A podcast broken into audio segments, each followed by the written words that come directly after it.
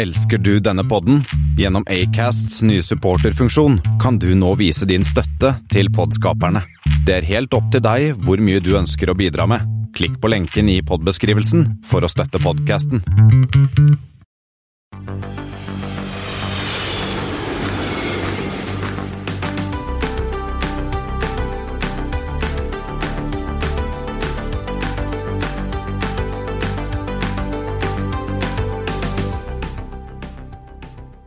Hei og velkommen om bord på flight 129, som også denne gang går til Bodø. Vi har tasset eh, da noen minutter fra hotellet vårt til, eh, bort til Luftfartstilsynet og snakket med mannen som har kanskje Norges festeste tittel, nemlig luftfartsdirektør Lars Kobberstad. Der skal vi lære litt om hva Luftfartstilsynet driver med, og hvordan man kan få sånn AOC i Norge. Og eh, nå har vi jo samlet alle, alle tre igjen, gutter. Jo, takk for sist. Det var Yngve og Espen òg, gitt. Nå er vi jo, men dessverre ikke i Bodø denne gangen. Nei, dessverre. Det er Sandvika. Det er, det er nesten like bra. Ja. Og I tillegg til eh, Luftfartstilsynet så skal vi jo innom eh, noen som har fått seg nye fly, og så har Wizz Air får litt motbør her og der.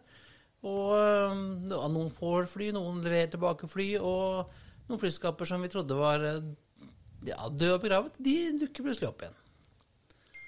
Og du skulle til fly i morgen, eh, Yngve, som ikke skrur av plingene dine. Ja, eh, det blir en eh, liten tur til Tromsø.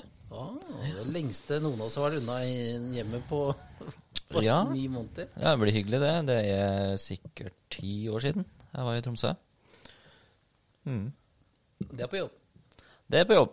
for AS Norge. For AS Norge. For Kunnskaps-Norge. Det er vakkert. Du sier så vakkert. Ja, takk. Og jeg har funnet noen eh, flight 129, eh, gutter. Eh, vi begynner med QF 129 Syd PVG. Hvis du prøver deg, med. EVG, PVG. PVG. Eh, PVG er Shanghai. Ja. Sydney er Sydney. QF. Ja, det kan tas. Ja. ja. Eh, og så har vi PG 129, som går BKK USM med en ATR42, Espen. Ja, PG er jo Air Bangkok, som det vel Eller heter. Bangkok Airways. Eller Bangkok Airways, ja. Eh, Same, same. Uh, og USM er den der Er det Kosamui? Det er mye. er- Ja. Den var vi jo innom for noen uker siden også. Eier ja. Mm. Uh, og så har vi UT 129, som går KUF NJC. Det er russisk. Og UTR. Det er UTR. ja. Vi vært borti UTR en gang før. Og så lurer jeg på om KUF ikke er noe som Jeg lurer på om det er Samara? Det som var Det Det er helt riktig. Eh, Men og eh, den andre vet jeg ikke hvor er. Eh, JC. det er i Russland, jeg ser. det, altså, jeg skal prøve- meg å uttale den her. Det er Nisjevartovsk. Ja. Der, ja. Eh, ja. Og hvor det er, det må fuglene vite. Det er i Kantimansia. Ok. Ja, midt i Russland, i Sibir. Det er faktisk en av de eh, største byene i Sibir, tror jeg. Dere har hørt om Kantimansisk? Ja, der driver du med skiskyting. Yes! Ah, er det er kjent. Og det er ikke så langt unna. Eller, det er langt unna, men, eh, men det er i hvert fall nærmeste kjente Det er sted. sånn ikke så langt unna Finnmark-type, ikke så langt unna. Ja. Og UTR, de eh, har hovedkontor i Kantimansisk, faktisk. Ah. Ja, eh, og så har jeg funnet en til eh, som En krasj. Nei, før krasjen. Å, før krasjen, ja. Ja, en som heter ZL129 Syd Mell. Eh, og grunnen til at jeg ser sånn Nja, det er for at eh, jeg finner den hvis jeg søker på Google Flights, men ingen andre eh, steder fins denne flighten, inkludert flyselskapets egen nettside. Så dette er noe som jeg tror kommer. ZL blir det da den nye Eller er det ikke nye, er det IATA-koden til Rex, Det som er har planlagt å fly, som vi snakket om, var det forrige episode, eller to Hva var episoden? Ja, Regional ja. Airlines, som får tak i noen sluttrasjurer og skal begynne å fly der. Ja, altså de har altså tydeligvis lagt opp jeg- Hvis jeg søker på Rex egne sider, så får jeg noen Saab 340 via noen bonga-bonga-steder. Men dette ser ut til å være altså flightnumrene for eh, Sydney Melbourne som kommer. Hvor mange 77 er de skaffet seg? Eller hvilke, hvilke typer er det? 6 737 800 i, så fra Virgin um, Atlantic. Ikke Atlantic, ganske- Virgin Australia. Unnskyld. Det er ganske stort hopp fra Saab og opp dit. Ja, men de eh, ser et mulighet, og vi har en lignende case om eh, noen få minutter.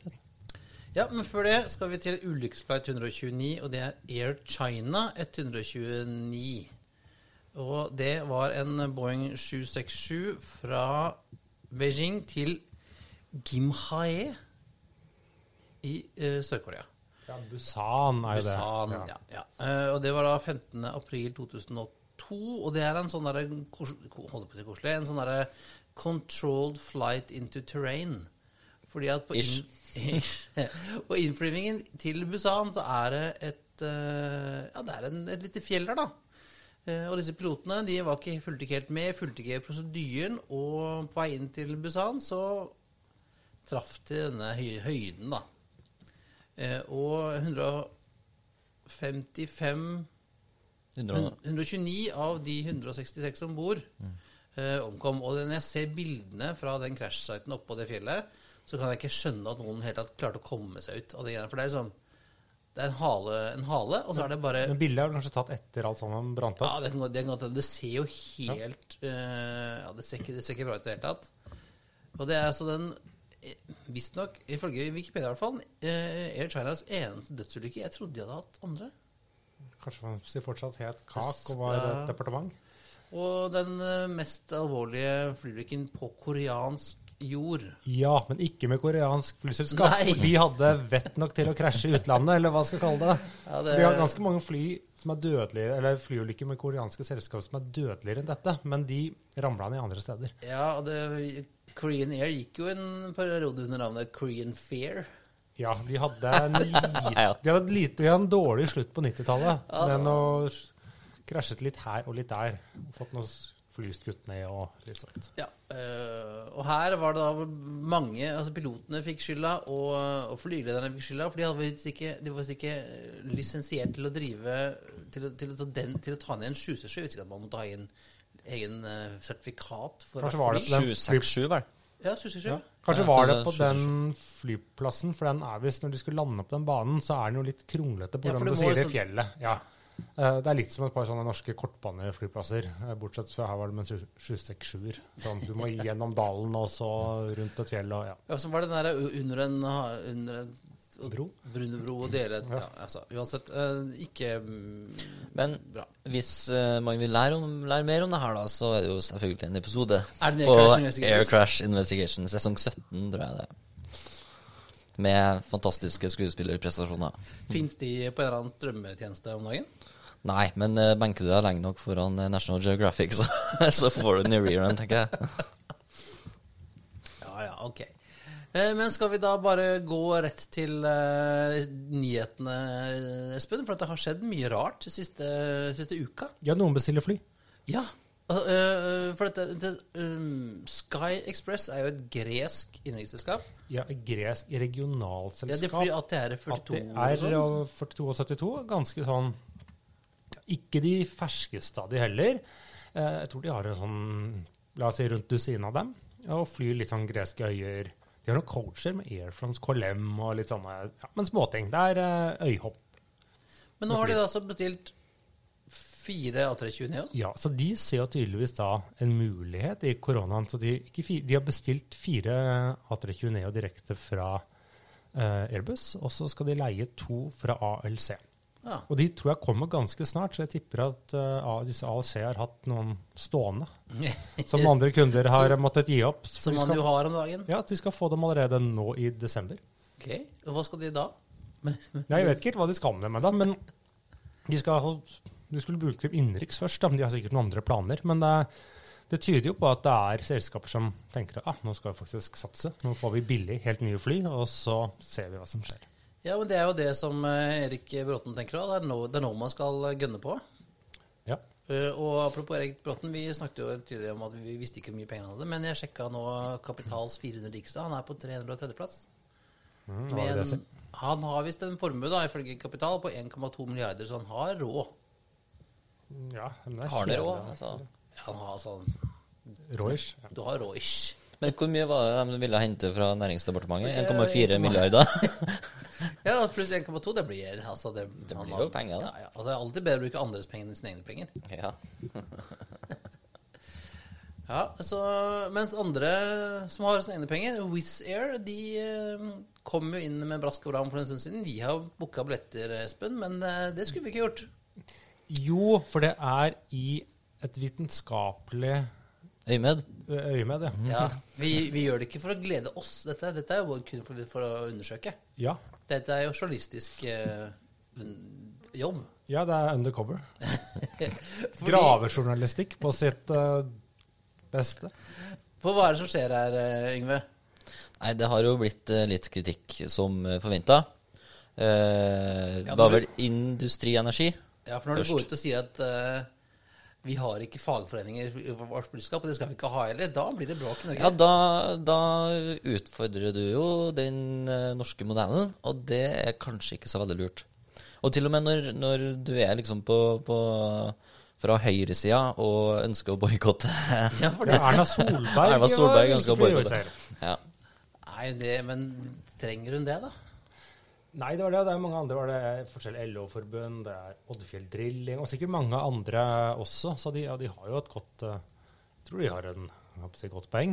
Eh, Men samtidig, det er jeg litt usikker på om det bare er PR-stunt eller ikke. For Wizz sa at ja, ja, nei, de kan eh, drive med litt fagforeninger likevel, men det er jo ingen som har bevist det. Og, men så er spørsmålet skal de i første omgang så skal de egentlig sette på en base i Oslo, eller skal de liksom trikse seg inn? Nei, for det Altså Det var vel snakk om at de skulle fly inn folk, eh, eller besetning fra Polen, kjøre noen runder i Norge, og så tilbake til Polen. Ja. Og det er en måte å omgå hva skal jeg si, reglene Norske arbeidslivsbestemmelser, i hvert Ja. Men det fordyrer jo også operasjonen deres. Jo, Ja, ja, men fordyrer det nok da til at Ja, det vet jeg det, ikke, men de, både, de mister jo både fleksibilitet da, og så blir det dyrere, for de blir jo ha med en del crew som må nødvendigvis bo i Norge. ja. Nei, men det, det kommer jo an på da, hvor mye koster en, eh, et polsk crew kontra et norsk crew, da. Ja, ja, og det kunne godt være at det skulle vært si, polsk crew for det, og sikkert litt rimeligere, men det handler liksom om disse andre ekstrakostnadene, da. Det, Men er det det som jeg tenker er litt verdt å nevne, at uh, i motsetning til andre eller tidligere diskusjoner vi har hatt om lavprisselskaper, gjerne fra utlandet, Ryanair osv., som har kommet til Norge, og så har det vært en del argumenter at det går på bekostning av flysikkerheten og litt sånn. Men den store forskjellen her er jo at, eh, at sjefen eh, Ja, du kan snakke om at det var PR-stunt, men si at han ikke ønsker fagforeninger. Og da begynner du å liksom gå sånn prinsipielt mot eh, den norske lønnsdannelsen, og da tror jeg du også vil møte et ganske stort politisk press. Og Ja. det, vil, det, vil, det tror jeg vil få store konsekvenser for Wizz over tid. Ja, for det kan jo være at ser vi en ny sånn Lidl-historie, for de ble jo presset ut. Jo, men så er det sånn Wizz har jo fløyet til Norge i årevis, til og fra, med de samme reglene. Og Ryanair har jo aldri, har jo, bortsett fra de siste årene, har jo ikke de kjørt noen fagforeninger. Og Norwegian i utlandet hadde ikke fagforeninger, de heller. Nei, men så er det den annerledes at når du du bare flyr, skal fly litt sånn til Polen og sånn, så ja, ja, det går greit. Eh, Mens når det blir innenriks, så er det kanskje Ja, da var det litt mer viktig allikevel, da. Ja, er det med, med østeuropeiske bussjåfører som kjører på norske veier? da? Kabo- Kabotasje Ja, og sånt. Altså det er jo Eh, jo, men de har jo også bestemmelser, og de, de bestemmelsene brytes jo eh, når eh, de kjører i Norge over lengre perioder og tar ulovlige oppdrag osv. Og jeg tror å omgå det regelverket i luftfarten er ganske mye vanskeligere. Ja, for, for, de, de, for de lever jo etter altså, samme sånn regulatorisk og arbeidstidsbestemmelser og sånn, så er det jo det samme. Da re- opererer de jo etter EASA-regelverk, som er det Ja. samme for ja. SAS og Norwegian og Wizz og alle sammen. ja, det stemmer. Så det handler jo mer om om, om eh, arbeidstid Eller Ja, Ikke arbeidstid, men, men lønn, da. Lønn og Ja, avtaler. lønnsdannelse. Ja, det er snakk om at du, du konkurrerer jo Ja. mot eh, norske, etablerte arbeidsplasser. Én ting er å si lønnen i seg selv, men de andre å si, Det som er dyrt med nordmenn i luftfart, er jo egentlig ikke lønna deres, men det er alle de goder og rettigheter man har, som gjør det. For om, å si, det er jo ikke noe galt å betale dårlig, men, uh, mener jeg. Uh, men Man Så, man- så, økonomen. Økonomen, men man skal ha, et, man skal, men man skal ha en reell si, forhandlingsrett, eller man skal liksom få markedspris, og man skal ha type ting sånn feriepenger og arbeidsgiveravgift skal betales, eh, syke uh, foreldrepermisjon, sykedager osv. skal være liksom Jo. etter lovverket og etter Det er jeg helt enig i, men det er jo for noen norske arbeidstakere i, eller arbeidstakere i Norge. De, disse er jo Ja, ja. ikke norske arbeidstakere i Norge. Jo, men til, de, altså, Hvis hvis ja, men Wizz Air, de, ut ifra hvor, hvor høy frekvens de skal ha, da, så vil det på et eller annet tidspunkt eh, komme til det stykket hvor de er tunge til å ha base i Norge. ikke sant? I hvert fall hvis de virkelig skal Mm. ta opp konkurranse med SAS og Norwegian. Og da vil du komme inn på spørsmålet om når norske eller det norske arbeidslivet, da, norsk lønnsdannelse osv. Ja, for da, den operasjonen som Wizz Air har lagt opp til nå, det de begynner med ett fly, men ganske raskt opp til to fly, det er to fly som er i drift fra seks om morgenen til midnatt. 18 timer uh, i døgnet, sånn roughly. Og da skal du ha noe crew for å kunne bemanne det. De kan jo det. bare fly inn da, fra Gdansk og Jo, Wroclaw. og- men de må, jo, de må ligge Du snakker jo i hvert fall om Det er to timer da, for å komme seg på jobb, på en måte. Nei, ja, men det er, ja, det er mer, men det kan, de, de kan jo so, de, noen må sove over i Oslo for å kunne starte. Ja, men det kan de vel? 6.40. Ja, det kan det. Men det er også den, hvis du starter på jobb så tidlig og har overnatting på hotell, så er det noen regler som sier at da kan ikke du fly i tolv timer etterpå. Mm. Det er noe et eller annet eh, Ja, nei, men det, det blir spennende å se, og jeg tror ikke vi møter noen norsktalende på den flighten vår, i hvert fall. Nei. Ikke crew, i hvert fall. Nei. Nei. Og I have good pay. You have good pay. Yes. Yes. Very good. Very good. Uh, og noen andre som uh, vi vet har good pay, er jo SAS eh, crew. De som er igjen.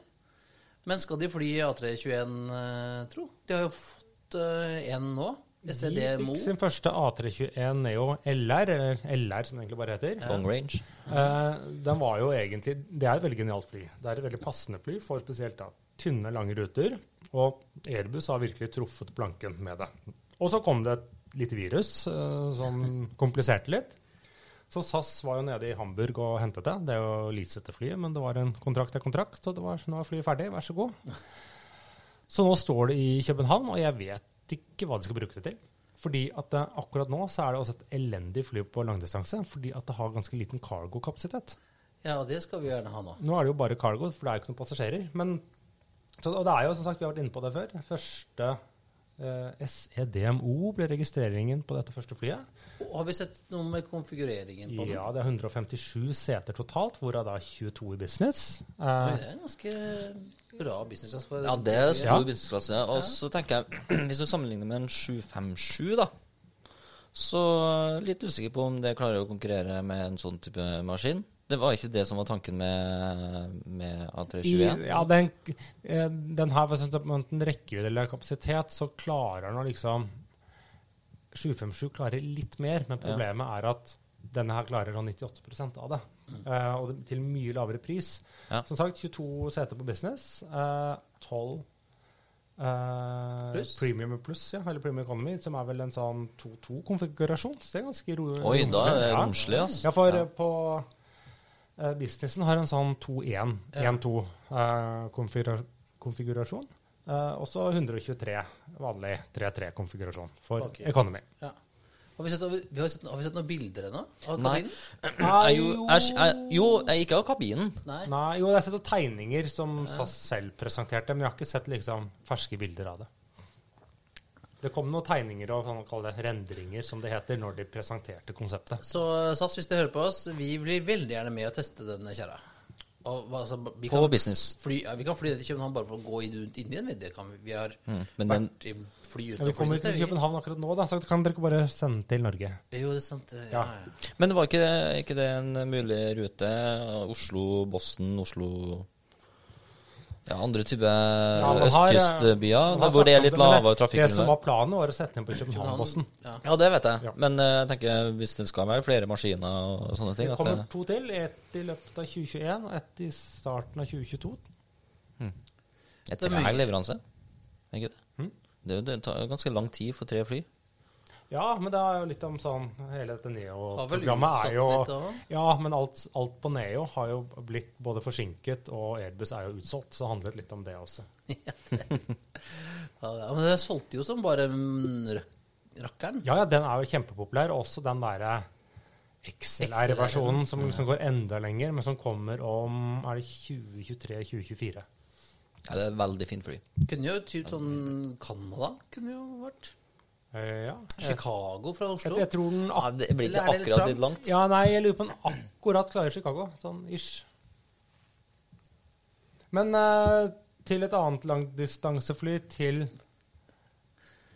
et annet som ikke skal fly mer, eller skal fly mer, for, for noen andre. Ja, fordi at øh, vi spøkte jo litt med det når vi snakket med Flymuseet forrige uke, at de kunne stikke ned til Gardermoen og hente seg et par øh, Dreamlinere for å stille ut. Men nå forsvinner jo to stykker. De to første, to stykk 7829, LN, LNT og LNX, blir nå levert tilbake til Aircap, som er Enten, eieren. ja, enten levert tilbake, eller AirCap Har kommet og henta. det. Det vet Ja. Som ikke. AirCap er jo største eier i Norwegian akkurat nå også, så Det er trist. Ja, øh, men, men de har da fått en kunde, så de skal til dette italienske ferieselskapet eller chartselskapet eller hva det er, Neos. ja, det er en del av TUI Group. Nei, jeg tror Eller det er selvstendig. Nei, Jeg tror det er De var jo blå. De, nei, de ligner litt, sånn. men de skal i hvert fall byttes ut med noe, eller de skal bytte ut noen av 26-erne der nede med to nye. Ja. Så de forsvinner nå. Så de fikk en ganske kort eh, si, karriere hos Norwegian. Det ene er vel en 2017-modell, og det andre en 2018. Ja, Det er de største, så det er de som Norwegian kanskje vil bli fortest kvitt, da. Skal jeg tro. Hvor, hvor, mange, hvor mange fly skal de ned til? De, har snakket, de, de nevnte jo tidligere en rundt 20. Men om det var et De skulle ta bort 20. Nei, ja, de hadde 37, og de skulle sendes rundt Jeg har bare hørt halvparten. Ja, og og 20 Dreamlinerne, ja, men Ja. med totalt, for de har jo kvitta seg med en del De har 800. altså. egentlig ikke kommunisert De skal bare ha færre, er vel egentlig det eneste. Men det, det kommer litt an på hvordan og når og om og trafikken tar seg opp. Ja, og uh, ta seg opp, det gjør jo faktisk uh, trafikken i Kina. Ja, fordi nå rapporteres det for blant de så big three, eh, som det heter, som da er Air China, China Southern og China Eastern, at de faktisk hadde flere innenriksreisende nå i september enn i fjor. Ja, og ganske mange flere enn i august. Så det går, som, det går rett vei. Men så sier de at uh, utenlands går ut til rett i dass, og det går ikke noe bra. Nei, hvem er det som har lyst til å reise fra Kina og til andre plasser nå? Eh, For Kina, Kina virker som de har fått liksom kontroll på, på tingene. Eh, Så innenrikstrafikken går jo som eh, bare det, og forretningene opp. Og de hadde, I oktober hadde de en sånn nok en sånn festivalperiode hvor de skulle ut og reise igjen. For, og innenriksmarkedet i Kina er stort. Det, Det er vel verdens nest største, tror jeg. Etter, folk, etter folk flest bor jo i Kina, som du vet, så det, de skal reise rundt omkring. Så det, det er bra, det, at, at, vi, at det går, én vei der. Uh, men jeg tror det er litt seint for Jet Nei, Flybe, egentlig. Det trodde jeg òg. For Flybe har vi jo snakket mye om. De var døde, er det ikke det? Eh, jo, men nå er de solgt. Og så skal de begynne igjen. Eller, altså, jeg skjønte ikke dette. Espen. Det dukket opp en nyhet i dag at Flyby, noen hadde kjøpt opp, eller kjøpt fra boet, da, eh, merkevaren Flyby. Og slik jeg tolker det òg, og slik jeg liksom tolkte disse administratorene, er at de er en slags pakke, så de får med seg slotts, bl.a. på Heathrow. Det har jo vært litt penger. Uh, ikke nå lenger, eh, men det kan man bruke til noe. nå. Eh, og AOC. For AOC skal visst ligge i boet og ikke være inndratt enda. Ok, Så de får et, et, tomt AOC eh, og noen slotts som ingen trenger. Ja, men de får heller ikke noe gjeld. Ah. Og for, de får ikke noe fly. Og fly er jo ikke en asset lenger, det er en liability. Um, så er da planen å starte opp i 2021, sier de. Og det som står bak det, det er en av grunnleggerne, eller en av de som driver eller eier dette Cyrus Capital, som bl.a. var med å eie Flyby når de gikk konkurs. Så han har kjøpt av seg selv. Ja, eller han har fått kjøpt av ja, Nå var det ikke boet, nå skyldte vel ikke de penger, tror jeg, men han kjøpte i hvert fall av, av boet. Ja. Så vi får se hva som skjer, om Flyby dukker opp igjen, eller om det er liksom ferdig for godt. Ja, det har vi vel snakket litt om før. At uh, hva, er, liksom, hva, er vits, hva er verdien av et merkevare på et flyskap som har gått konk, da? Altså, Eastern funka jo ikke første gangen, andre gangen eller tredje gangen. Nei, det flyr, prøver, nå prøver seg igjen. Fjerde, ja. Men eh, ja, hvem vet. Men jeg har, ja, jeg har lite tro på at det lykkes med Flyby. Men det er et annet selskap jeg tror har enda mindre sjanse på, Yngve, eller hva? Tenker på Jet Airways. Ja, Har du lyst til å fly med dem, eller hvordan? Nei, altså jeg har jo egentlig aldri følt et voldsomt behov for å fly eh, med de, men de er i hvert fall solgt. Men der vet ikke jeg så mye. Gjør du, Kristian? Ja, altså jeg har sjekka litt, og det er de som da kjøpt av et, et konsortium bestående av en, eh, en, en fyr fra eh, Dubai, en som heter Murari Lal Yalan, og et sånt asset management firm som heter Calrock eh, Capital. Eh, og det er Calrock Capital eies av eh, en sånn tysk tech-investor som heter Florian Fritsch. Og må ikke forveksles med golfproffen Florian Fritsch. eh, som vel også har penger til skrive. Men, men forskjellen på JetBlue Nei, JetBlue, sier jeg. Eh, Flyby og Jet Airways er jo at Jet Airways har jo faktisk assets. De har flymaskiner. Ja, men har de stått nå halvannet år i India uten vedlikehold? Kan de da fly lenger, eller Det får vi se, da. Det, det, Hvor mange maskiner har de? Nei, jeg husker Ja, det ikke. tror jeg ikke de vet selv engang, De altså. hadde, men det, er sånn triple sevens og 737 og ATR42. Det er litt av hvert, skjønner du. Ja, da har jeg sett noen bilder av det. Det ser ikke ut i bra stand. Og det jeg har eh, sett, kanskje bare det verste som har blitt eh, lagt ut. Så jeg er jo jeg er litt usikker på hva de egentlig har kjøpt. For å være helt ærlig her. Ja, og, og hvis Flyby er vanskelig å få til å fly igjen, så tenker jeg Jet Airways er, altså, de, de har jo veldig lite altså, goodwill-kapital å, å spille på. Ja, for ja, de tror jeg mistet slots. Ja, og de, jeg tror de, for den der basen deres, den der i Brussel, solgte de jo. Var det noe å selge? Det var vel ikke en hub? Det var ikke noe de eide der, det var bare de fløy Ja, via. altså, det- noen kjøpte det i hvert fall. Jeg måtte gjøre litt eh, research på Jet Airways. De har visst hatt eh, 142 ordrer på maks 8 inne. Ja, det er en asset Ja, ja. som er fin å Og ha. de har eh, Boeing skrevet av. Ikke bare det, de hadde i tillegg til skulle hente noe fra leasingselskapet også. Så det var eh, ja. Ja, for det står jo noen eh, i USA med Jet Airways-farger ja, som ble rakk akkurat og... å lage de første og male et par fly før de gikk eh, konkurs. Altså, altså 737. Men, men der skjer det også noe, Espen. 737 Max. Ja, den har jo vært oppe og fløyet. FAA-sjefen har fløyet den, og nå sies det nå at den skal bli godkjent og i lufta innen nyttårsaften, eller innen året er ferdig. Ja, for det var vel American som har begynt å skedulere nå fra 29. desember, Desember. tror jeg. At du kan ha ut og fly Max, da. Den har jo blitt utsatt- Ja. Den har jo blitt utsatt litt før, men nå virker jo signalene fra både FAA og EASA og tror jeg canadierne er at de liksom sier ja, nå er det, nå er det trygt ish. Ja, altså hvor Boeing gnir seg i hendene, kan de bli kvitt alle de 450 flyene som står rundt omkring parkert, da? I hvert fall noen av de. Ja, hvis det har vært så enkelt for dem. Men, eh, Men vi skal jo holde oss i USA. Uh, Southwest de eh, går bort fra en litt eh, eldre modell, kan du si, og begynner å fly til nummer én-flyplassene i Chicago og i Houston. Houston, ja, stemmer. Southwest har jo som alltid levd på den der vi skal fly fra sekundærflyplassene. Og i Chicago betyr det Midway, og i Houston så betyr det Hobby, som er sånn sør-øst for byen, mens eh, Intercontinental, eller George Bush. som den heter nå, da, ligger nord-vest for byen. Og det eh, mange som klødde seg i håret. Hvorfor, hvorfor gjør de dette nå? Noe kan være fordi at de må ha et sted å fly. Eh, de har jo ikke sagt opp noen folk, i motsetning til mange andre flyselskaper. ja, så er det kanskje blitt ledig plass Det ledig, ledig gates har jo vært noe av problemene. Eh, så er det jo såpass stor forskjell. Altså, altså å reise fra nordsiden av Houston til sørsiden av Houston tar jo fort halvannen time i, i bil. Ja, ja. eh, hvis du er heldig. Eh, Altså, man kan også være det at de har jo begynt litt uh, før, for det var vel tror jeg, en måned siden de annonserte Miami, annet. De har alltid tidligere fløyet til kun Fort Lauderdale. Og de har jo liksom hatt litt erfaring med sånn som på New York, da. Der er det jo egentlig bare store flyplasser nå. Ja, for der flyr jo både Newark og LaGuardia. LaGuardia. Jeg vet ikke om de Ikke JJ, tror jeg, nei. Uh, men de, de som stikker den uh, fingeren nedi og, og de har jo fløyet på uh, George Bush før. Tilbake i 2008 så begynte de å fly mellom Houston og Dallas. Ja, det var jeg ikke klar over. Eh, men det droppa de ganske fort. Det Var var ikke det, var ikke det 2005 de slutta? Men i Dallas så flyr de fortsatt på low field. Ja, det de de, det? de, gjør de. Eh, De har ikke flytta til eh, DFW. De flyr fremdeles på sin gode gamle flyplass Love Field. Og det har noe med at de, de tør å gi fra seg noen, noen eh, gates der. Nei, for de dominerer den. De De eier jo den flyplassen.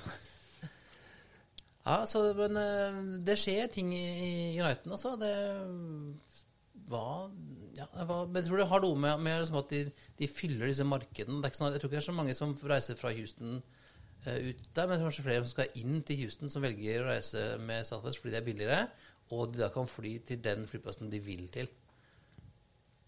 Ja, men det er kanskje litt større og er mindre og mer effektiv flyplass òg. Kortere avstand. Eh, hobby er jo nok, hobby, uh, hobby er nok mer effektiv og mindre, men, uh, men det, du har jo mye større nedslagsfelt kanskje da på Intercontinental der oppe. Men eh, Midway, har det vært der, eller? Er det noen tog som har vært der? Nei. Nei. O'Hare har dere vært? O'Hare, ja. Er det masse. Det er jo en svær flyplass. Ja. Og jeg har, faktisk, jeg har faktisk fløyet fra Hobby. Hobby til Austin har jeg fløyet med Southwest. Yes. Det er ikke langtur, er det? Nei. Det er, det er jo som Bergen, da. Oslo-Bergen. Ja. Mm. Yes, Nei, men uh, vi skal over til noe ganske annet. Uh, vi skal faktisk tilbake til Norden. Ja. Og eh, da vil jeg faktisk at dere to skal se for dere en ting. Dere må ha noe kjapt og enkelt i en hektisk hverdag. Så dere går bort på den nærmeste Kiwien for å kjøpe noe Fjordland. Men i den samme hylla så ser du noe annet kjent. En delikat forpakning i klassisk skandinavisk design og med SAS-logo. Det du står og ser på, er nemlig SAS sine retter til passasjerer i business class som du kan kjøpe og varme opp hjemme. Men akkurat det her har jo nemlig Finnair begynt å gjøre. Så for å holde cateringpersonalet i arbeid gjennom koronakrisa, så har Finnair altså begynt å levere en Taste of Finnair-ferdigretter som skal selges på det heter vel K-City Market i Finland. Og da kan du velge mellom reinsdyrkjøttboller, arktisk røye og oksekjøtt i teriyaki. Det er sikkert godt, men hvor forskjellig fra Fjordland er det egentlig? Bortsett fra innpakningen.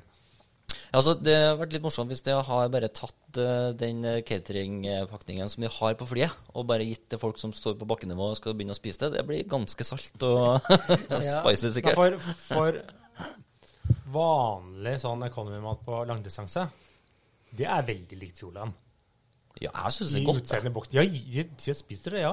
Sånn, Sånn så, det er ikke noe, dette er verken noe galt med flymaten eller Fjordland, men det er en viss likhet både i, eh, både i presentasjon og form og utseende. Men litt større Det pleier å være litt større porsjoner på Fjordland, er det ikke det? Enn hva du får baki der. Det- Men dette er jo dette er business eh, meals. Det er business eh, meals, ja. ja. Det er det, så jeg vet ikke om du får noe Jeg vet ikke hvordan Economy hadde vært liksom så fristende i en uh, kjølvaredisk. Hadde du kjøpt den kuben, Espen? Du som er glad i den SAS-kuben? Du, jeg har aldri prøvd den. Jeg Har du bare ikke spist kuben? den. Nei. Jeg syns den er egentlig ålreit. jeg. Folk hater- Mange folk hater den der Ja, eh, litt sånn ambivalent. Altså, innholdet er jo egentlig sånn godt i seg sjøl, men det er jo iskaldt, da. Ja. Det, det er mye av det som kunne For eksempel den kyllingen, hvis det er sånn kyllingfilet inni der, og sånt, så kunne den gjerne vært varm. Ellers er jo cashewnøtter og pils undervurdert som flymat. Ja, det er jo sant. Og det, og det, det spiser vi ofte, Espen. Ja da. Jeg ser det på snappen din. Du det går mye på den greia der. Jeg, altså, vi kan, jeg har spurt min eh, gode venninne, tidligere kollega i, eh, som nå er i, El, i Giganti, altså, altså Elkjøp i Finland. Og hun har sagt, at hun, hvis hun kommer over denne maten, så skal hun kjøpe den og smake på den, og så skal vi intervjue henne om det. Ja, du ikke, kan ikke sende den til oss, da. du sende den og og- Herregud, den her maten den flyr jo verden rundt uansett. Så om de kan sende den til Oslo det Kjenner ikke vært- vi noen som driver med flyfrakt som kan sende den hurtig? det gjør vi. Eh, Filleren heller. Vi snakker, med, vi snakker med vår venn i Widerøe Cargo. Får en sånn egen eh, shipment til eh, Oslo. Ja, Perishable goods, fordi flyselskapene de må jo eh, tjene, nei, tjene, sier jeg, trene på å sende når de skal sende disse vaksinene som skal holde minus 20 grader hele veien, så må de klare å sende Da skal de, teste, kan de få teste teste det på en mini finne ready, ready to eat-meal. Det syns jeg.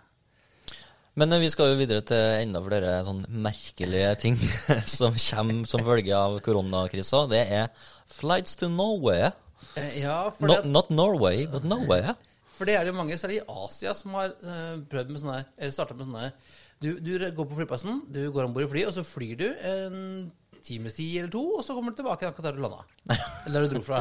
Uh, flights to nowhere. For at noe må vi tjene penger på, og folka må fly litt, og vi må ha litt penger. Eh, og det her har vi gjort. Royal Brunei har gjort det. De har fløyet rundt omkring der. Eva Air har gjort det. An har gjort det. Qantas har gjort det. Men det, altså, er det Er det innafor, egentlig? Skal vi drive er- med de greiene der? Men er det Er volumet av det så stort at det egentlig er noe problem? Vet Og så er det sånn, måtte uansett de flyene blitt starta litt, og pilotene flyr litt for å holde seg både fly og crew varme likevel. Og er det liksom I seg selv, da, hadde alle gjort det hele tiden, så hadde det vært et problem. Men er dette et minimalt uh, utfordring? Ja, Kritikken går jo på at dette er jo ikke særlig bærekraftig. Nei, det er, ikke- det er ikke bærekraftig. Uh, På hvilken måte? Økonomisk, eller eh, liksom Økonomisk miljømessig? Økonomisk vet jeg ikke, men Det, det hjelper jo er det jo økonomisk. ikke. Nei, det er det jo ikke. Men, men det er jo som Espen kanskje sa, at hvor, hvor, hvor mye betyr det egentlig, sånn utslippsmessig og, og sånt. Men Det, det, det blir Men- litt sånn at Nå gjør ikke jeg det heller, men det blir litt som en sigar på nyttårsaften kontra det å røyke hver dag.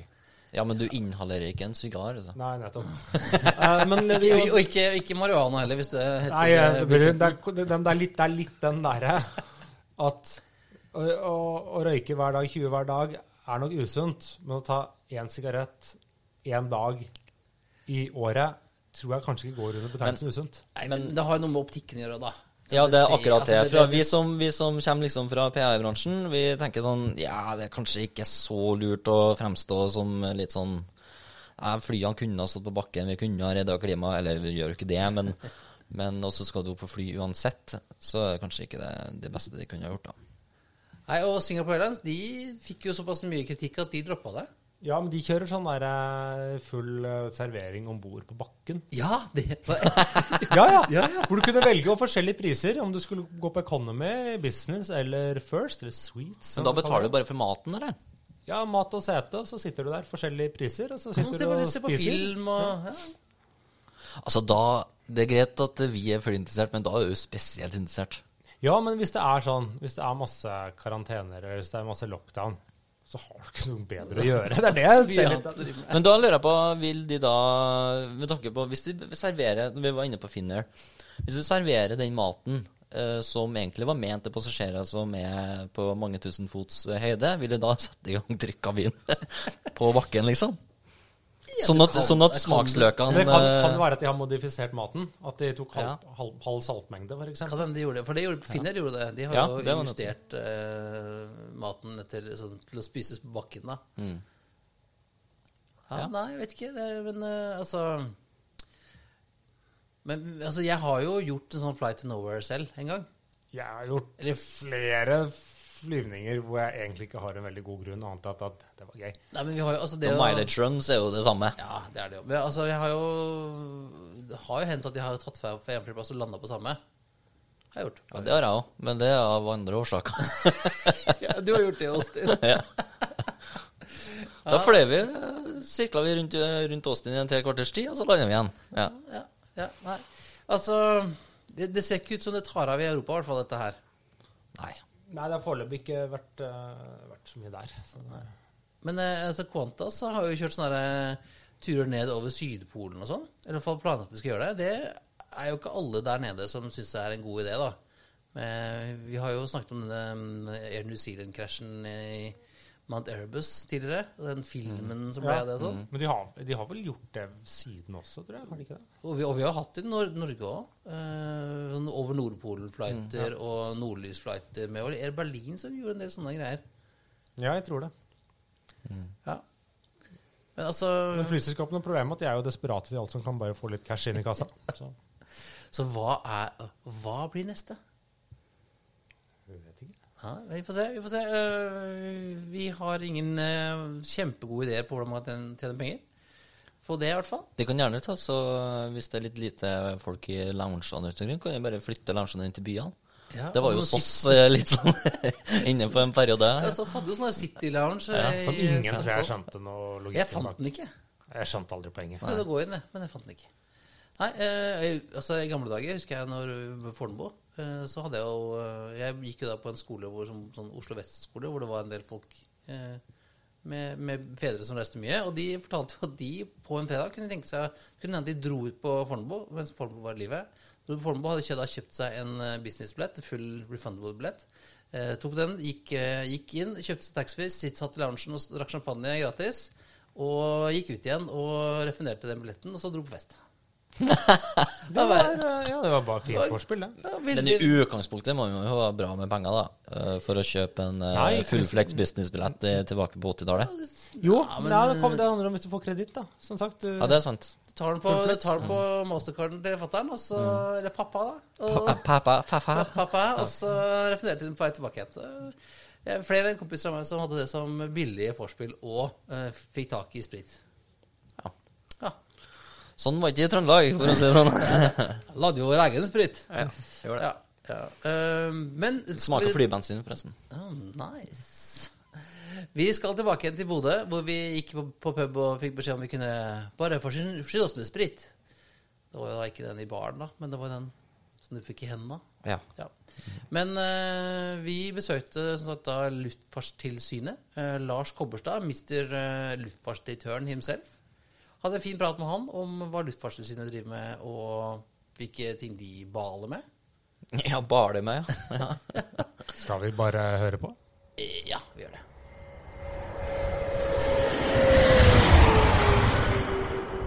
Da er vi inne fra Luftfartstilsynets lokaler og har vært så heldige å få møte Lars Kobberstad, som er da eh, luftfartsdirektør. Er Det den stemmer. eh, kule tittelen? Ja, Norges kuleste tittel, en spennende tittel, hvis man har gjort mye med luftfart. Og, og fortell hva Apsi. Vi har ikke snakket så mye om egentlig Luftfartstilsynet i uh, poden vår, så hva er deres oppgave? Den er, eh, fra, la meg starte der, da, den er i hvert fall mye, mye mer enn bare tilsyn. Eh, selvfølgelig så er det også det, men sannsett så er navnet vårt litt, eh, litt misvisende. Eh, Det er sånn at Hvis du skal drive med kommersiell sivil luftfart, og for så vidt også privatflyvirksomhet i Norge, så trenger du en godkjenning av oss. Så det er det første vi på en måte gjør i kjeden her, det er godkjenning. Vi godkjenner aktører, vi selskap, godkjenner selskapet, vi godkjenner enkeltpersoner. Eh, Det var seg flysertifikat osv. Og så skal vi selvfølgelig da føre tilsyn med de rettighetene som du har fått gjennom en godkjenning. At du faktisk eh, følger eh, vårt regelverk og dine egne håndbøker og prosedyrer og den type ting. Så ja, vi gjør mye tilsyn. Eh, Så jobber vi med det vi kaller safety promotion, og som vi er litt inne på i dag, nemlig faktisk med å promotere flysikkerhet, dele all den informasjonen og kunnskapen vi har, det være seg statistikk, faglig utvikling osv. Så, videre. Så det er liksom den tredje, tredje kjerneområdet vårt. Og så blir det fort litt kjedeligere. driver vi med selvfølgelig eh, regelverksutvikling. Vi lager regler, eh, vi videreutvikler regelverket. Og som det siste poenget så driver vi med samfunnssikkerhet og beredskap. Eh, knyttet da til luftfart. Eh, luftfart er jo en samfunnskritisk eh, infrastruktur. Vi skal påse at, eller bidra til da, å påse at aktørene sørger for at den også virker i kriser. Det være seg askeskyer, det være seg upolitiske eller ustabile politiske situasjoner. Og pandemier, som jo er veldig, veldig For det hadde dere en plan for, eller? så ja, en slags plan. Eh, Den tror jeg vi kunne kaste ganske fort. Men, eh, men sånn er det jo. Eh, Og vi øver på det sammen med europeiske myndigheter. Vi hadde vel en øvelse ikke et års tid før eh, pandemien brøt ut, hvor caset var egentlig da sånn type ebolapandemi som oppdaget i Sverige. Og så er spørsmålet skal man stenge grensene Norge-Sverige. De skulle stenge alle grenser. Det tror jeg ingen har øvd på noen gang. Så det ble litt annerledes dette her enn det vi trodde. ja. Det gjorde. Men i hvert fall samfunnssikkerhet og beredskap det er eh, en viktig oppgave. Og så er vi jo en rådgiver for eh, departementet, eller stort sett av Samferdselsdepartementet, som vi rapporterer til, men av og til også inn mot eh, næring. Så det er liksom de hovedområdene som vi, som vi jobber med. Og droner. Ja, For det det, gjør man vi. tenker liksom Så- flymaskiner, men ja, ja, ja. Nei da, vi, for det er liksom Dette er fagområdene, for å si det sånn, og så er jo det innenfor alle alt som kan fly. Eh, fra eh, ballonger og via droner og for så vidt modellfly, som også er en type drone. Og opp til de, de største kommersielle flyene. Sånn at eh, det er hele spekteret, ja. Så Og hvor mange er det som holder til her? vi er nå ca. 190 ansatte. Og for alle praktiske formål, nesten i hvert fall, så holder alle til her. Vi har to stykker på Gardermoen som driver med det vi kaller ramp-inspeksjoner, altså som kommer både anmeldt og uanmeldt på både europeiske og flyselskaper fra tredjeland som er på Gardermoen for å sjekke dokumentasjon, sjekke at sertifikater er i orden osv. osv. Og så har vi et lite flymedisinsk miljø på ca. seks personer nå, i hvert fall, som sitter på Blindern, og som jobber med ren flymedisin, som gjør er et eget fag innenfor legevitenskapen, for å bruke det uttrykket. Mm. Men for alle praktiske formål, det er i Bodø vi er. Ja, og det var jo Når var det, når var det tilsynet flytta hit? Det Ja. var jo ikke uproblematisk den gangen. nei, det er en stund siden. Jeg tror det er nå ca. ti år siden. Jeg mener å vite det. ja. Jeg har bare vært her i snart fire år, så ja. Men da var det jo litt sånn Det var, ikke, det var litt kontrovers rundt det. Det var det. Jeg var jo i luftfart den gangen også, så jeg fikk jo det med meg. Men eh, det var nok mye intern motstand. Det er det ikke mer. Det er eh, kun nå et fåtall som pendler fra Oslo. Noen velger det fortsatt, eh, også fordi det er mye reiseaktivitet i den jobben de har. Men eh, langt på vei de fleste bor i Bodø nå og jobber i Bodø. Men men vi reiser mye. altså Luftfarten er jo spredd over hele landet, så det, det gjør vi. Men jeg opplever ikke at det er noe, noe kontroversielle rundt det, og det skal det heller ikke være. altså 190 ansatte. Det er ganske mange fagområder innenfor luftfart vi dekker. og Det betyr at vi har ganske små faglige miljøer, og da, da må vi holde sammen. Liksom. Det har kommet opp ønsker. Skulle man hatt en base i Stavanger? Skulle hatt en base i Oslo for å ivareta Stavanger typisk offshorehelikopter? offshore-helikopter? Men, men nei. Apropos ansatte. eh, Det er jo veldig mange Eller i PR-bransjen, som jeg kommer fra, så snakker vi om noe som heter svingdør. Ja. Eh, De som går til byrå og tilbake i politikken, f.eks. Mm. Og så er det jo sånn i tilsynet her at det er jo, det er jo en god del som kommer fra flyselskapene Widerøe, SAS, Norwegian osv. Mm. Hva tenker du om det? Jeg tenker at det er helt naturlig. Eh, luftfart er viktig i Norge, viktigere enn de fleste andre land, men det er tross alt en ganske liten næring. Og den er spesialisert, og det betyr at fagfolk går liksom på kryss og tvers. Det- byttes jo mellom flyselskapene, eh, det byttes fra helikopter til fiksting og tilbake igjen. Og selvfølgelig så drar vi også nytte av den kompetansen. Jeg tror vi må bare erkjenne det. Vi er opptatt av selvfølgelig habilitet. Så når det kommer inn folk her fra la oss si eh, Norwegian, ønsker å begynne å jobbe her som kanskje flyoperativ inspektør, så er ikke Norwegian det selskapet de starter å føre tilsyn med. Da skal det gå noen år før de gjør det. Men det er nok andre oppgaver å gripe fatt i. Så vi er veldig oppmerksom på problemstillingen og da det temaet som heter habilitet. Er det noen som går andre veien? Fra Luftfartstilsynet og til uh... Ja, det er det. Eh, Men det er klart, eh, i det offentlige så er man ikke alltid ekstremt konkurransedyktig på lønn, for å bruke det uttrykket. Og, så det er nok mest fra flyselskapene og til oss. Vi har sett mindre av det nå etter hvert, fordi også pensjonsalderen har økt i det sivile. og dermed så Før så var det sånn at de kom hit som 55-58-åringer, som piloter f.eks. Da kunne de jobbe her i ti år, og da var det mye igjen. Nå jobber de ofte til de er 65. Piloter kan fly til de er 65. Og da er det ikke så interessant heller for oss å rekruttere de. Så er det noen som velger å slutte før. Men, eh, men det har snevret rekrutteringen litt grann inn. Akkurat nå så går det veldig greit igjen, basert på korona og den type ting. At nå er det mange er permitterte, og nå er det veldig overskudd av flyvende personell og flyteknikere og egentlig all, innenfor alle grupper. mange åpne søknader? Så det var et lite rush eh, med en gang, ja. Så har det jo heldigvis tatt seg litt opp igjen med flytrafikk nå, da. For det er jo den vi også tross alt lever av. Men, Men- eh, ja. Men hvilke folk helt konkret, eller hvilken bakgrunn er det dere aller helst vil ha? Er det bare piloter, eller er det flyteknikere, eller andre typer Ja, nei, vi har eh, Selvfølgelig så ønsker vi folk med flyoperativ bakgrunn, altså piloter, mm. kabinansatte, som kan fly. Skal du være flyoperativ så bør du ha flyoperativ bakgrunn. Eh, veldig gjerne teknikere, flymekanikere, som vet hvordan et fly ser ut, eller helikopter ser ut på innsiden, og som kan det. Det er vel også et krav i veldig mange av de stillingene som vi har. Eh, innenfor det vi kaller flyplass og flysikring, altså de som for alle praktiske formål passer på Avinor så er det jo viktig at de har enten flyvelederbakgrunn eller har jobbet på en flyplass, eller har bakgrunn fra groundhandling og kan den delen av faget. Og så har vi et ganske stort eh, juridisk miljø med vel 20 jurister etter hvert. som eh, sørger for regelverkutvikling sammen med fagfolkene våre. De må liksom både kunne jussen, men de må også kunne, kunne flyfaget. Så de jobber jo sammen på den, det området der. Og så er det jo mer tradisjonelle fag rundt administrasjon og den type ting. Og du, du var litt innpå det. Sånn, hvordan, hvordan påvirker korona Luftfartstilsynet, bortsett fra at det da har fått veldig mange søkere? Ja. ja, det er den positive effekten av det. Nei, vi er jo Må starte med å si det. Vi er eh, heldige i forhold til veldig mange andre som er rammet av dette her. Men vi merket det, vi også. Så fra 12. mars, hvor vi stengte ned, alle dro hjem, så har vi gradvis, for å ta det interne først, åpnet kontorene igjen. Og nå er vi, jeg har jo sagt at vi skal være maks 50% på jobb. Så den andre halvparten er enten hjemmekontor eller er på reise. Så det fungerer. Vi hadde veldig begrenset reiseaktivitet fram til sommerferien. Var ikke ute på tilsyn. Selvfølgelig for å unngå smitte. Enten at vi skulle bli rammet, men selvfølgelig også at vi heller ikke ønsker å ramme flyselskapene. Så små selskaper har noen få kritiske mennesker som ikke bør bli syke hvis de fortsatt skal fly.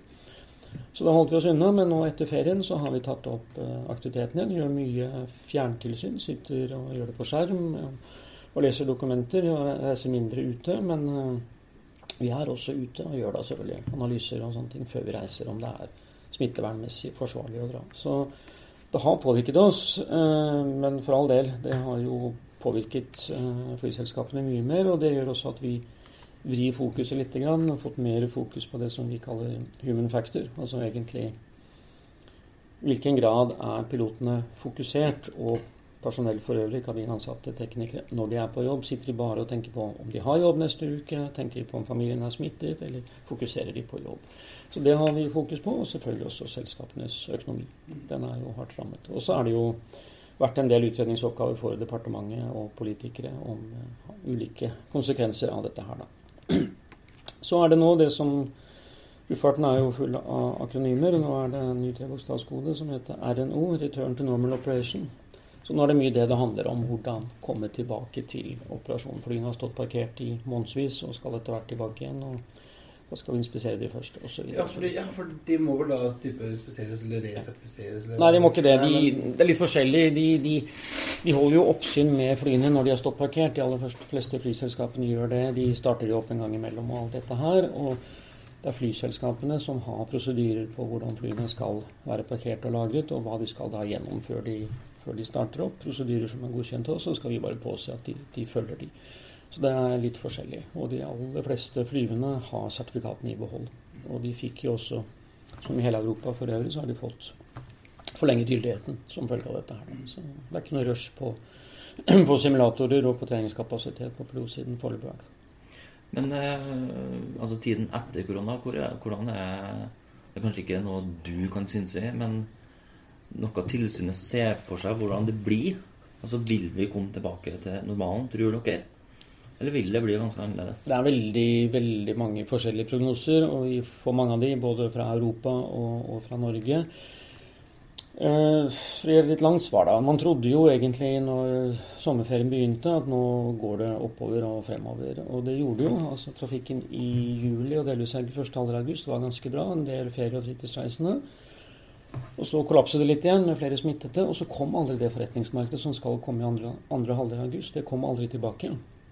Og nå ligger man på en 50-60% av et såkalt normalnivå. Og I hvert fall i Europa så tror man egentlig ikke at det kommer noe særlig høyere i løpet av året. Og kanskje heller ikke i Norge. Norge har jo fløyet en 40-50 gjennom hele krisen. Men uh, det er uh, Man får ikke den raske tilbakeføringen som man uh, trodde eller hadde forutsett at man skulle få bare før sommeren. Så det tar lengre tid. Noen snakker om den nye normalen. Hvor kommer det hen? Jeg vet ikke. Det, det, ingen vet det. det. det. kan bli 80% det kan bli 70 det kan bli 90 Så har jo luftfart også i Norge vokst med 3-4% årlig de siste årene. Så det betyr jo bare at man vil ta noen år i så fall, hvis den veksten fortsetter, før man er tilbake til, eh, til der hvor man var. Men ikke sant, så kommer det andre krav. Det kommer eh, klimavennlig luftfart, er det krav om. Det skal reises mindre. Ingen vet hvordan dette slår ut på økonomien generelt. Blir det mindre aktivitet osv. osv.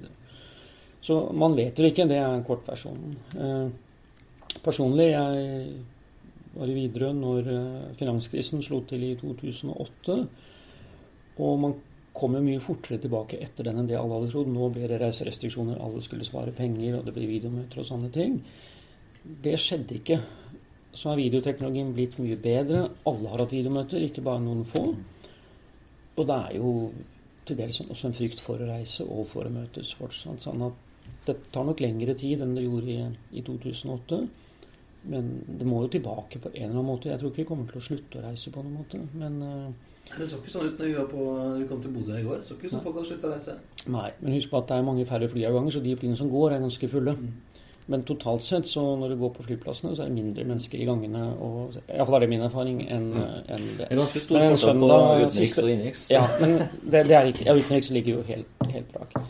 I går dere fløy opp til Bodø siste dagen med høstferie i Nord-Norge. Det burde vært smekkfullt og et yrende liv, og det var det kanskje ikke. jeg vet ikke. Så, og som du sier, utenlandsflyvninger, der er det, vi er på 20% av totalen eller noe sånt. Så det er, altså av normalt nivå. Så det, og nå er jo mer eller mindre hele Europa rødt, bortsett fra noen ganske få skandinaviske land og områder her. Så det, det er tøft. eh, Det er helt sikkert. Men eh, luftfarten har vist seg å komme gjennom mange kriser før, og de kommer sikkert gjennom denne også. Ja. Og så var det sånn at du Du snakket om, om, om tilsynsmyndighet og, og hvilke oppgaver dere har overfor norske selskaper. Og I gamle dager, gamle dager så var det vanlig at flyselskapene fløy i og til fra sitt, sitt eget land med lokalt fly, lokale fly, lokale crew. Eh, Men nå kan jo ethvert selskap inn- innen EØS-EU-området fly hvor de vil i hele EØS-området. Hvordan, hvordan påvirker det deres eh, jobb som tilsynsmyndighet? Hvem er det som har ansvaret når eh, et maltesisk flyselskap med fly registrert i Latvia og crew fra Island flyr på norsk innenriks? Eh, Det påvirker oss selvfølgelig, så, så gjør det det. Eh, Først og fremst så er det sånn at vi må samarbeide mye mer med andre lands myndigheter. Og det gjør vi. Vi har inngått formelle samarbeidsavtaler med Sverige, Irland og eh, UK. Eh, SAS er en helt spesiell greie, så de bør nesten ikke gå inn på. De har et eget, eget regelverk, faktisk, men der samarbeider vi selvfølgelig med danske og svenske myndigheter der også. Så samarbeid er det første, første vi gjør. Eh, det andre så er det jo sånn at hvis dette er maltesisk flyselskap, og så er spørsmålet hva mener man med maltesisk? Jo, det betyr at selskapet er registrert på Malta, og de har en AOC fra Malta, altså en lisens for å drive kommersiell luftfart. Da er det maltesiske myndigheter som skal føre tilsyn med de. Det er, liksom, det, er ikke noe diskusjon om. Eh, hvis de har baser i Norge, crewbaser i Norge, eh, og det betyr for alle praktiske formål at crew skal starte arbeidsdagen i Norge og avslutte arbeidsdagen i Norge, da skal vi føre tilsyn med de jobber innenfor arbeidsmiljøloven hva gjelder flyvende personell. Altså kabinansatte og piloter. Ikke bakkepersonellet. Det er ikke vårt ansvar. Det er det vanlige arbeidslivsmyndigheter som skal føre tilsyn med det. Og så er det da selvfølgelig disse ramp-sjekkene som vi kan gjøre når flyene er her. Men det grunnleggende tilsynet er det da det landet hvor AOC-en er utstedt, som skal, eh, som skal føre tilsyn. Så da må vi stole da på at eh, utenlandske tilsyn gjør det tilsynet de skal. Ja, det må vi. Og det er jo i Europa. For det er kun europeiske selskaper som har tilgang til det norske markedet, og norske som har tilgang til Europa. Så er det jo samme regelverk. Og eh, senest i forrige uke hadde vi en ukes besøk. Det hadde ikke fordi på, på, på online, men iallfall en ukes inspeksjon fra EASA. Og De reiser rundt og sjekker alle europeiske luftfartsmyndigheter at vi faktisk også følger regelverket og stiller krav til flyselskapene at de følger regelverket. Så de skal påse at regelverket blir fulgt opp i hvert enkelt europeisk. Ja, så man har EASA som en slags overordnet Ja, som passer på alle eh, tilsynene i Europa? Ja, en europeisk luftfartsmyndighet som nettopp som fører tilsyn med tilsynene, og som eh, godkjenner fly og flymateriell som er bygget i Europa. Normalt kan vi jo ha nordmenn inn i disse byråene. Ja. Er, det, er det nordmenn i EASA nå? Uh, ja, det tror jeg, uten at jeg har møtt noen der de siste gangene jeg har vært der. Men det er iallfall en full mulighet å søke jobb der. Så er vi sant, assosiert medlem, sant? for dette er gjennom EØS-avtalen, så da er det som for øvrig. Vi må følge regelverket, men vi har ingen innflytelse. Så jeg sitter jo i Alle landene har en representant i styret i EASA. Eh, Men eh, Norge Når de skal rekke opp hånda, så må du gå ut. Nei, vi får, lov til, å- vi får lov til å sitte der også når det er andre ting, men vi har ikke stemmerett. Så det er Norge og Island og Sveits som da teller stemmene. Mm. Men det er jo som kjent, det er tellingen makten ligger. Så, så det går bra, det. Nei da. Men eh, det Vi er bidrar sånn- jo på utforming. Vi jo da, og vi er med i mange komiteer som når det går på regelverksutvikling og, og ser på utfordringer og den type ting, så bidrar vi der. Spesielt hvis det er liksom innenfor områder hvor Norge har særskilt kompetanse. Så altså vinteroperasjoner, kortbaneoperasjoner, Mm. offshorehelikoptre og den type ting. Så jeg opplever at vi bidrar sterkt inn der, og, og den kompetansen vi har, blir også verdsatt av EASA. Så det, det fungerer bra, det samarbeidet. Og eh, litt sånn avslutningsvis, hva er det i tillegg til ser bort fra korona, da. eh, hva er det som den store utfordringen for Luftfartstilsynet framover? Ja, det er eh, Så bort fra korona, så blir man jo litt sånn eh, Er det, er det? Ja, nei da, men eh, vi har vært, egentlig vært innom det. Det er klart at dette med, med internasjonal konkurranse og globalisering Det er ikke noe nytt, men, men det øker. Og hvis jeg meldte sin ankomst i forrige uke, så vil det også selvfølgelig øke vårt fokus på det. Og da er vi tilbake til samarbeid og den type ting. Så det er, eh, det er relevant. Og det at mange flyselskaper har flere AOC-er, igjen, det må koordineres med, med myndighetene. Så det internasjonale bildet det er, en, det er ikke noe problem, men det er en utfordring. En ganske spennende utfordring, fordi flyselskapene utfordrer regelverket hele tiden. Så det, det er spennende. Og så er det ny teknologi. Du var inne på droner. Eh, sikker integrering av droner med annen luftfart er et kjempeområde som vi må se på. Det kommer et helt nytt regelverk nå fra årsskiftet. Så er det det som heter urban mobility, som enten kan være litt større droner med mennesker om bord, men det kan også være noe du flyr selv. Altså, jeg har sett noen filmer som ikke er science fiction, men som har flyvende motorsykler og flyvende biler. Det, det kommer. Uh, og så har vi det med klima- og nullutslippsfly og den type Ja, for det er jo den, det, det har, I forrige uke snakket vi med han Erik Litum i Bergen, som Ja. har kjøpt elfly. Og han har jo veldig tro på det, på det og han sier jo at infrastrukturen er ikke så komplisert som man skulle tro. Det er liksom mer eller mindre plugger inn i veggen. I hvert fall den, type småfly, da. Men det blir annerledes når du skal ha et større. Vi har et ganske omfattende samarbeid nå med var vi som trolig gang sammen med ASA. Vi leder en internasjonal arbeidsgruppe. Bl.a. Airbus og Safran, som er en av verdens største flymotorprodusenter, de er med. Så vi får mange innspill her. Vi skal komme opp med en rapport nå i løpet av, av høsten. Men øh, jo, det vil kreve en god del. Og hvis vi snakker liksom 20-30 seters fly som skal ha en reell rekkevidde med tilstrekkelig reserve når det lander på kanskje 150 km, så vil det kreve litt infrastruktur. Det kommer. Og så blir ikke elfly er én ting. Eh, Jeg tror vi skal begynne å snakke om nullutslippsfly. Det skal ikke slippe ut noe, og det er noen mange avarter. og Hydrogen er jo én variant, og det vil nok komme. Kanskje i kombinasjon med elmotorer, men hvor da en hydrogen lader batteriene som gjengir strøm til motoren. Eller som direkte brensel. Det, det gjenstår å se. Så vi vil kanskje se elfly på det minste av korteste avstandene, men eh, ja, det vet man ikke, faktisk. Så det krever noe på bakken, men det vil jo kreve veldig masse i luften. Nye prosedyrer, ny måte å fly på, ny måte å tenke på osv. osv. Eh, men dette kommer, og vi er ikke mer enn mer enn ti år nedover veien, så har vi helt sikkert eh, nullutslippsfly. Og det må vi ha, fordi om ti år eh, I hvert fall mine barn og etter hvert eh, barnebarn, de vil ikke fly med noe annet. De vil ikke fly med noe som slipper ut noen ting som helst. Så hvis man skal overleve som bransje, så må vi møte den utfordringen. Og så har vi jo flyselskap som er helt avhengig av den utviklinga. I hvert fall de, som skal fly litt kortere. Ja, det er jo Widerøes, litt eh, eh, eldre fly. Ja da, det, det er riktig at det er liksom et sånt litt særnorsk fenomen. Og så er det nok større ting som driver denne utviklingen enn en akkurat det. Men det som er helt åpenbart, er at Norge er et veldig bra område å teste ut denne nye teknologien. Fordi vi har så mange flyplasser med korte avstander og relativt få passasjerer. Man kan teste ut små fly som ikke har så, behøver altså veldig lang rekkevidde i et kommersielt marked. Og fordi disse rutene også staten er inne som en bidragsyter, så er det mulig også å teste ut ulike insentiver på det. Så veldig mye, Og så har vi tilgang på ren energi, så veldig mye ligger til rette for at Norge burde bli, samme som på bil og på ferger, et første land for nullutslippsfly. Og Det er noe vi jobber med nå på daglig basis nesten, å prøve å få det til. Og nå vet jeg at Du kan ikke uttale deg om det, om det spesielt, men, men Erik Bråten lanserte jo nytt flyselskap eh, i forrige uke. Eh, samme dag som Wizz. Det var jo en superbra timing. Eh, Men kan du si noe sånn generelt om den prosessen med å starte et nytt flyselskap for å få et A og C? Hva, hva trenger man av, av ressurser på menneskesiden? Hvor lang tid tar det? Ja. Er det bare som å, å henge opp et skilt og begynne å fly? Nei, det er en omfattende prosess. Og for å ta det siste først, hvor lang tid tar det? Mellom tre og tolv måneder. Det tar veldig sjelden tre måneder. Men liksom hvis alt er på stell, all dokumentasjon er der, så, så vil det være kanskje mulig. Men normalt fra seks til tolv måneder vil det ta å gå gjennom en sånn prosess. Da er det en del eh, nøkkelpersonell som skal eh, godkjennes, aksepteres av oss. Manualer, håndbøker, prosedyrer skal godkjennes av oss.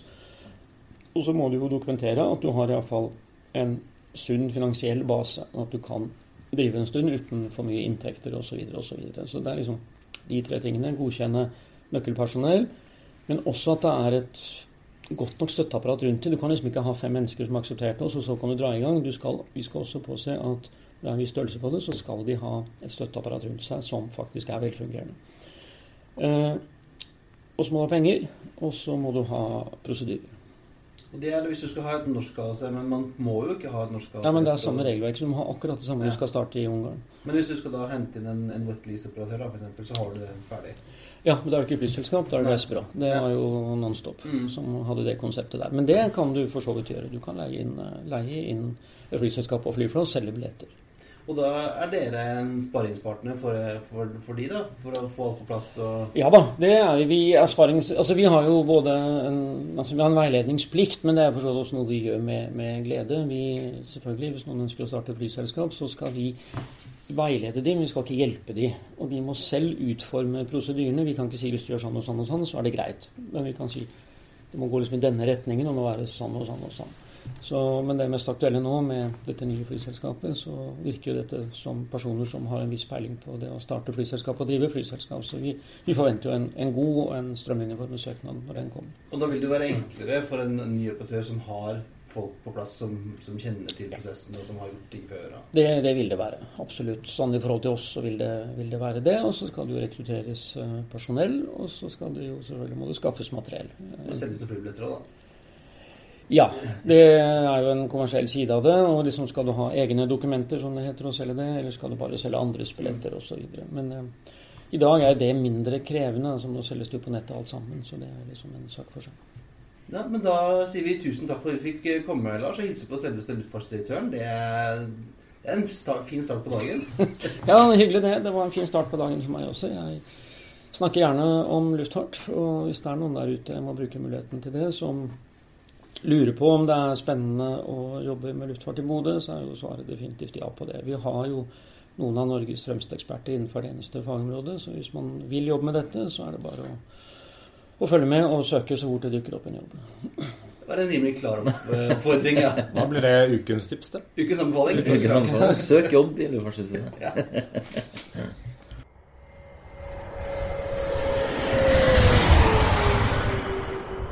Ja, han var ganske tydelig på at han, at han ansatte folk. Ja, og det Da kan vi ta ukens anbefaling med en gang, før vi oppsummerer, eller? Ja, det er vel bare å, å sjekke luftfartstilsynet.no da, og se om de har noen ledige jobber. Ja, det er vel omtrent det eneste innen luftfartsbransjen som rekrutterer akkurat nå, tror jeg. Det er de og de som driver med sånne refunds. Mm. Ja. ja. det var kjempe, kjempebra prat. Ja, det er veldig og Jeg visste jo ikke hva, egentlig hva de drev med så mye. Men det, altså, det er ganske mye folk. Ja, og det er jo alt fra både det, det si, lovverket og det kommersielle og ikke minst det teknologiske. Ja. Og droner og greier. Ja, droner blir jo Ja, det legger vi beslag på en god del ressurser sikkert hos de i tida framover. Så det var en, en annen anbefaling, gutter, er uh, Ryanairs uh, podkast. Og gud bedre. Har de, hvor mye koster den? Inside Ryanair koster Nei da. Helt gratis. Eh, men det er ganske, ja, det skulle bedre det. Men det var ganske interessant. Første episoden så snakket vi med han som er sjef for Ryanair DAC. Ja, og det er DAC er Irland, er ikke det? Det er det Det er det ordentlige ordentlige Ryanair. Det er sånn the real Ryanair. Uh, og det er jo, jeg, jeg syns det er fantastisk eh, bare å høre på folk som snakker irsk, engelsk-irsk. er Irsk-engelsk. Det er Bare det er jo verdt den halvtimen å høre på digitalt her. Men hvis vi snakket litt om, om ja, hvordan det var Hvordan er det å jobbe i Ryanair, og hvordan Og det? Ingveig. Ja, men, og, og liksom om, om, eh, Han snakket nå mye om, om korona, og det er tydelig at de eh, I Irland har de noe sånn herre opp, sånn grønn og rød liste, sånn som vi har, men, han, men de var ikke helt happy med hvordan disse listene var, da. Nei, så de har også truet med å legge ned all trafikken fra Irland eller noe sånt. nå, Hvis de ikke Eh, Men det, altså, jeg er veldig spent på, på hva de kommer til å lage mer av. Jeg håper det kommer mer sånn ordentlig insight. Kanskje vi til og med får eh, eh, Michael Michael O'Leary. Til Italia. De hadde vært gøy. Ja, eh, for, men den er faktisk helt gratis, eh, Yngve. Må ikke betale for noen ting. Ja, men jeg vet ikke Det er kanskje som eh, den Det det er som å høre på den fanfaren når de, når de lander. Den, den spiller de selvfølgelig. Nei! Nei, da er det uaktuelt. Den er selvfølgelig med eh, i, i introen til den. Og så hadde de en sånn liten morsom greie hvor de eh, Kanskje skal stjele den, egentlig, men på slutten hvor de spør sånne Hvis du uh, hadde bare én destinasjon å fly til resten av livet, hvor vil du fly da? Yngve? Hvor skulle du flytte da? Nei, da Nei, jeg hadde jo resten av livet. Det må ha vært en langdistanse, da. Sånn at man får skikkelig utbytte av flyturen. Nei, eh, sikkert en øy i Indiahavet eller noe sånt. da, sikkert. Espen? Skulle du valgt én destinasjon? Én destinasjon Det må være med en flyplass med ordentlig lounge og litt sånn uh, opplevelse. Ja, altså, det skal være til, Hvis det skal være til en si, Hvis det skal være for flyplassen selv, så skulle det vært uh, Singapore. Men uh, jeg er for eksempel glad i, i NIS. Om det er en møkkaflyplass. Men Ja. destinasjonen er fin. Ja, for min, min del har det vært London, tror jeg. Eller New York. Men London Hvilken av London? Stansted. Heathrow. Selvfølgelig. Er du gæren? Altså, det. er mye spennende å gjøre i London. Så jeg hadde kunnet levd med å være dratt London en gang i året. Eller to. Eller åtte. Ja, Hver dag. Hver dag blir det slitsomt. Det blir kjedelig på Terminal 5 til slutt. Yes. Ja. Nei, men uh, med det så runder vi egentlig av med fanfare fra Ryanair. Tar og legger på den etterpå. Ja, Ja, ja, ja. det blir kult. Ja, det er på tide å feste sikkerhetsbeltene, rette opp setet og sikre fri sikt ut av vinduet ettersom flight 129 går inn for landing. Som vanlig finner du linker til det vi har snakket om i dag på flypodden.no. Du finner oss også på facebook.com slash flypodden, på Twitter at flypodden og Instagram at flypodden. Har du spørsmål, vil du invitere oss på flytur eller sponse oss, så er det bare å sende oss en mail på hallo at flypodden.no.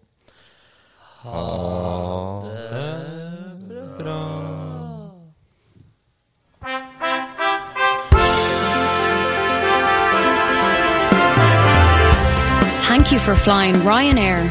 Last year, over 90% of our flights arrived on time. We hope you enjoyed yours and we look forward to welcoming you on board again soon. Ryanair. Low fares made simple.